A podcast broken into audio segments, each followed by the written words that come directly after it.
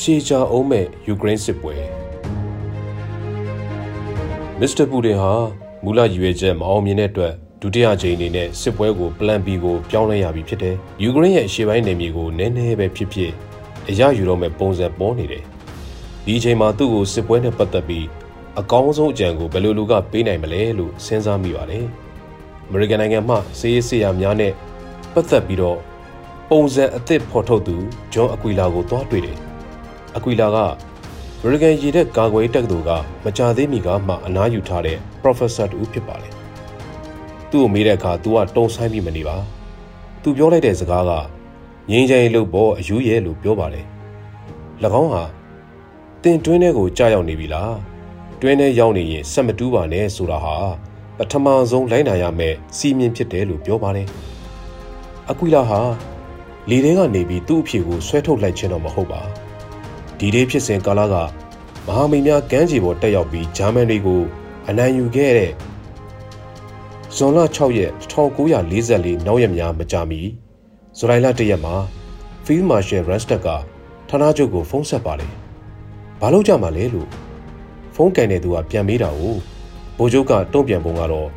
ငင်းချင်လို့ပေါ့အယူရဲ့တို့ဘာလို့လို့ရမှာတော့လို့ပြောခဲ့ပူပါလေ။နောက်တစ်နေ့မှာတော့ဗိုလ်ချုပ်ကအလုတ်ဖြုတ်ခံခဲ့ရပါတယ် ပူတင်နဲ့မတူတာကပူတင်ကစီးရီးယားမှာလူသက်ရမှာရက်ဆက်လာတယ်လို့နာမည်ဆိုးနဲ့ကြော်ကြားခဲ့တဲ့ဗိုလ်ချုပ်ကြီးကိုသူ့ရဲ့စစ်ပွဲနောက်လာမယ့် phase 2အတွက်ခေါင်းဆောင်ဖို့တာဝန်ပေးလိုက်တယ်စစ်ပွဲဘာဖြစ်လိမ့်မယ်ဆိုတာကိုအကွီလာက ရှင်းမပြနိုင်ခဲ့ပေမဲ့လေဘာကြောင့်ရုရှားတပ်မတော်ကြီးကြာဆုံးရကြောင်းကိုတော့ရှင်းပြခဲ့ပါတယ်ဗိုလ်ချုပ်ရန်စတက်ဟာနောက်ပိုင်းမှာယာရုမှာပြန်လည်ခက်အပ်ခံခဲ့ရတယ် ဒီဖြစ်ပျက်မျိုးကိုဂျာမန်တို့သာမကအခုခေတ်စပိန်ပြည်တွင်းစစ်မှာလည်းကြုံခဲ့ပူးကြပါတယ်ဆိုမို့သူတို့ဘက်မှ Stugal Dive Bomber နဲ့ Panzer Tank တွေကိုအသစ်အဆန်းဖြစ်သုံးခဲ့ကြဘူးပါတယ်စစ်ပွဲရဲ့ပထမဆုံးသင်ခန်းစာဟာ Murny and Small Beats Large and Heavy ဆိုပြီးတော့ဖြစ်ပါတယ်။သေးငယ်ပြီးအများကြီးဖြစ်ပါကကြီးကျယ်ပြီးလေးနက်တဲ့အရာတွေကိုနိုင်နိုင်ပါတယ်ဆိုပြီးဖြစ်ပါတယ်။ ယူကရိန်းစစ်တပ်ဟာတပ်စိတ်ငယ် squad အဆင့်သာရှိပြီးတော့လက်နက်အသေးစားများကိုကင်ဆောင်ထားကြပါတယ်။ဒီဖွဲ့ငယ်ကလေးများကအကြီးစားစစ်တပ်ကြီးတွေအတန်ထွက်တဲ့ဟယ်လီကော်ပတာတွေကိုနိုင်ပါတယ်။ရုရှားစစ်တပ်ကကြီးမားတယ်ဆိုပေမဲ့ယူကရိန်းရဲ့တိုက်နိုင်စွမ်းရှိတဲ့ယူနစ်အသေးငယ်လေးများကိုနိုင်ဖို့မစွမ်းနိုင်ပါ။ယူကရိန်းတပ်ဖွဲ့တစ်ခုလျင်လူ၈ယောက်မှ10ယောက်ထိသာပါဝင်ပါတယ်။အဲ့ဒီ unit အငယ်လေးများမှာကင်ဆောင်ထားတဲ့လက်နက်တွေက drone တွေလေယာဉ်ပစ်လက်နက်တွေ Stinger missile တန်ကားဖြတ်လက်နက် javelin တွေရှိတဲ့အတွက်ပိုပြီးကြီးမားတဲ့ရုရှားစစ်တပ်ကိုအလွယ်တကူအောင်နိုင်ခြင်းပဲဖြစ်ပါတယ်။ယူကရိန်းစစ်ပွဲရဲ့ဒုတိယနေ့ဟာ Finding always beats flanking စောစည်းစွာရှာဖွေတွေ့ရှိပါကမိမိကိုဝိုင်းနေတဲ့ရန်သူကိုချေမုန်းနိုင်တယ်ဆိုပြီးဖြစ်ပါတယ်။အဓိကဟာရန်သူကိုစောစည်းစွာရှာဖွေတွေ့ရှိရေးဖြစ်ပါတယ်။ မိုင်40ရှိလျားတဲ့တန်ကားတက်ကြီးပဲဖြစ်ပါသည်။မိမိကသာဥအောင်ရှာဖွေနိုင်မှာကအဲ့ဒီတန်ကားတန်းကြီးကိုအောင်နိုင်ပါလိမ့်မယ်။ဒီနည်းနဲ့ကြီးကာကားများနဲ့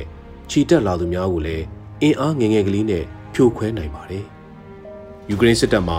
ရုရှားတပ်တွေကိုရှာဖွေရမှာ drone တွေကိုသုံးပါတယ်။အထူးသဖြင့်တူရကီလုတ် drone တွေဟာဒီစစ်ပွဲအတွက်အသုံးဝင်လှပါတယ်။ဒါပြင် drone ကန်ဆောင်သူလူများကလည်းသူတို့လုပ်ငန်းမှာကျွမ်းကျင်ကြပြီး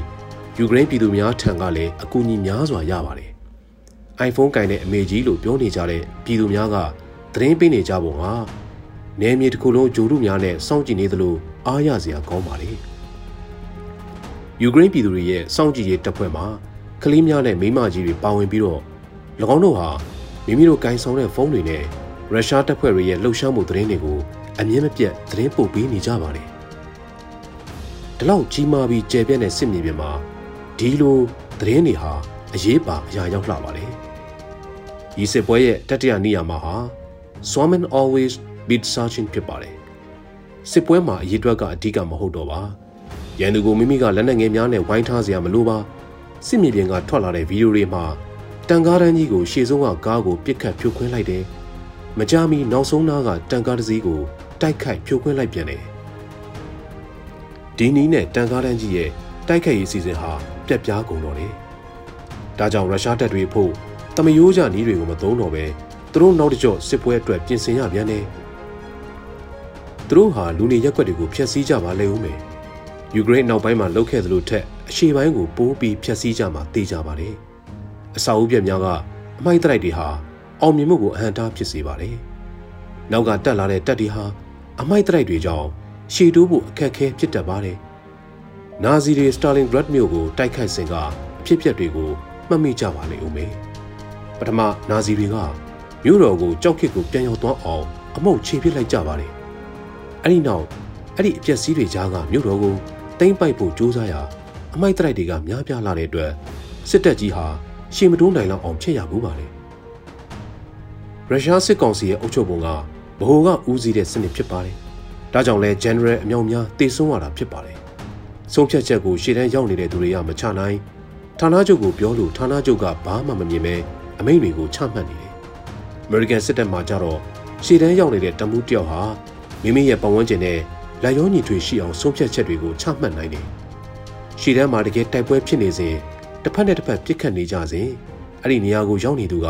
ဆုံးဖြတ်ချက်တွေကိုချမှတ်မှသာပတ်ဝန်းကျင်နဲ့လျော်ညီတဲ့အမိန့်ဖြစ်ပါမယ်။အခုအချိန်တွေကိုကြည့်ရတာဟာရုရှားနဲ့ယူကရိန်းဟာ တစ်ဖက်နဲ့တစ်ဖက်အားပြိုင်နေပြီးတယောက်ကိုတယောက်အပြီးတိုင်ချိန်မုန်းဖို့နည်းလမ်းမရှိပဲဖြစ်နေပါတယ်။တစ်ဖက်နဲ့တစ်ဖက်အပျက်စီးတွေသာစုပုံလာနေပြီးနှစ်ဖက်စလုံးကောင်းနိုင်စရာမရှိတော့ပါ။စစ်ပွဲဟာသာရှည်ကြာပြီးတော့တစ်ဖက်နဲ့တစ်ဖက်အားသွန်ခွန်ဆိုင်ချိန်မုန်းနေကြမှာသာဖြစ်ပါတယ်။ယူကရိန်းတို့အနေနဲ့ခုခံအားဟာပုံမကောင်းတဲ့ထက်ကောင်းလာပြီးစစ်ပွဲမှာပုံမကျန်းတဲ့လာပဲရှိပါတယ်။ပူတင်အနေနဲ့ရုရှားလူထုကိုလည်းမလုံနိုင်အောင်ပိုင်ဆိုးပြီးပြီးရုရှားစစ်တပ်အနေနဲ့လည်း စစ်ပွဲတွေရှုံးနေခဲ့တဲ့အတွက်မျက်နှာမလားဖြစ်ရပြီးပူတင်ကိုတွန်းလှန်နိုင်စရာအကြောင်းမရှိဒီအကြောင်းလေးကြောင့်ပူတင်နေနဲ့စစ်ပွဲကိုအစောတလင်အဆုံးသတ်စရာမလိုပါအချိန်ဟာသူ့ဘက်မကရှိနေပြီးစစ်ပွဲတာရှည်သွားရင်လည်းသူ့မှာပိုပြီးဆုံးရှုံးစရာမရှိတော့ပါမြည်သောမြဖြစ်စေပူတင်ဖို့ဘလောက်ဆိုးရတယ်ဆိုစေအောင်သူ့မျက်နှာမပြတ်စေရေးအတွက်ဆောင်ရွက်ပါလိမ့်မယ်သူ့တပ်တွေကိုဆုတ်ခွာပေးခြင်းအတွက်ရုရှားဘက်ရင်းနေဆိုတဲ့ ဒေါ်ညက်နဲ့လူဟန့်ဒေသနှစ်ခုကိုလွတ်လပ်ရေးနဲ့တူတဲ့အခွင့်အရေးတစ်မျိုးမျိုးဖြစ်စေရစေရမယ်။ယူကရိန်းကိုဥရောပကောင်စီဝင်အဖြစ်သာလက်ခံပြီးနေတိုးဖွဲ့ဝင်နိုင်ငံအဖြစ်လက်မခံရေးတို့ကိုနောက်တစ်ချိန်ရုရှားနိုင်ငံကမကျူးကျော်ရေးအတွက်ကိုအာမခံပေးရမှာဖြစ်ပါတယ်။မိတို့ပင်ဆိုသည်စစ်ဆိုတာနဲ့အင်အားကြီးသူသာနိုင်စတန်းဆိုတဲ့အယူအဆကိုပုံသေးကားချက်အနေနဲ့မှတ်ယူလို့မရကြောင်းယူကရိန်းမှာဖြစ်ရပ်တွေကတတ်သိပြလျက်ရှိနေပြီ။